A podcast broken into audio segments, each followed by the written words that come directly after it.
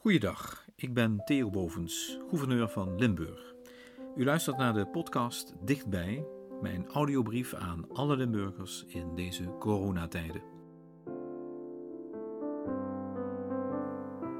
Dinsdag 14 april 2020. Zonder onderscheid.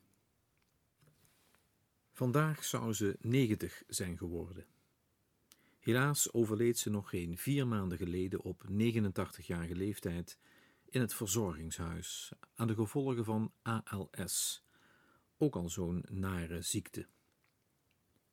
Ze had geen kracht meer in de ademhalingsspieren en had kunnen stikken in iedere hoestbui, terwijl spreken en slikken al tijden niet meer mogelijk was. Ze is relatief vredig ingeslapen, omringd door familie. Hoe vaak zeggen we deze dagen niet in familieverband dat we zo blij zijn dat mijn moeder, want over haar heb ik het, de coronacrisis niet meer heeft meegemaakt. Hoe bevoorrecht waren wij dat we met al haar zonen nog samen de toediening van het sacrament van de zieken konden meevieren.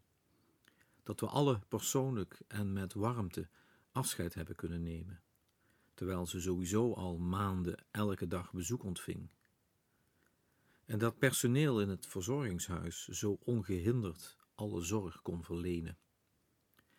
En dat we een waardige uitvaart konden regelen met een plechtige viering in een stampvolle basiliek en omvangrijk gezelschap bij de koffietafel. Met alle verdriet zeggen we achteraf: wat een mooi afscheid. En wat heeft daarbij het medeleven van velen ons gesteund in die rouwperiode? En nog steeds. Als familie zijn we veel bij elkaar geweest, veel samen gepraat, ja ook veel samen gelachen.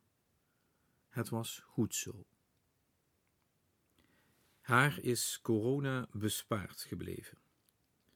De onmogelijkheid bezoek te ontvangen, de constante dreiging van het virus, het sterven van goede bekenden zonder naar een begrafenis te kunnen met dat in gedachten probeer ik mij voor te stellen hoe mensen, families vandaag om moeten gaan met afscheid nemen, met het rouwen, met het meeleven.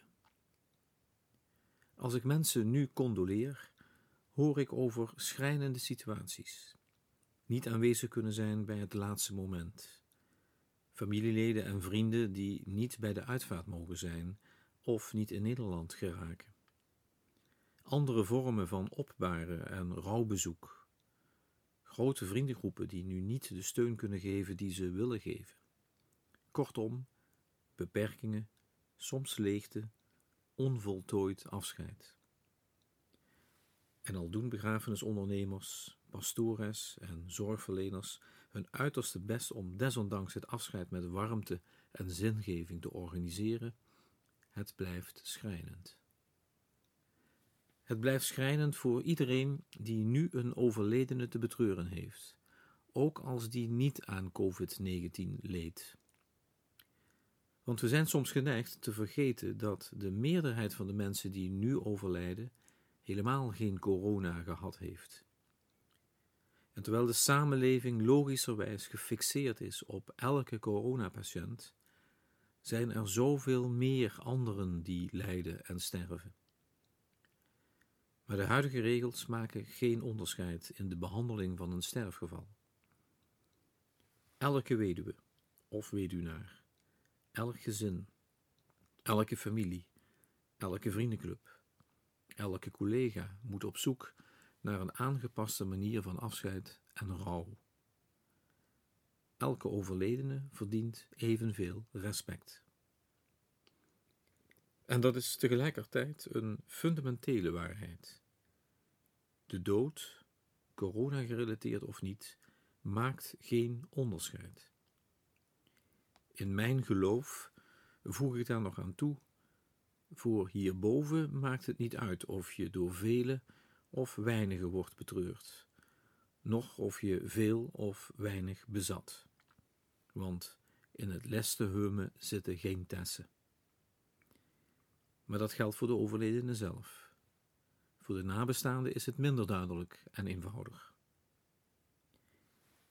Als wij in Limburg zo prat gaan op onze gemeenschapszin, hoop ik dat dit nu ook tot uitdrukking komt in hoe we nabestaanden laten merken dat we het overlijden van hun dierbaren betreuren, dat we met hun meeleven.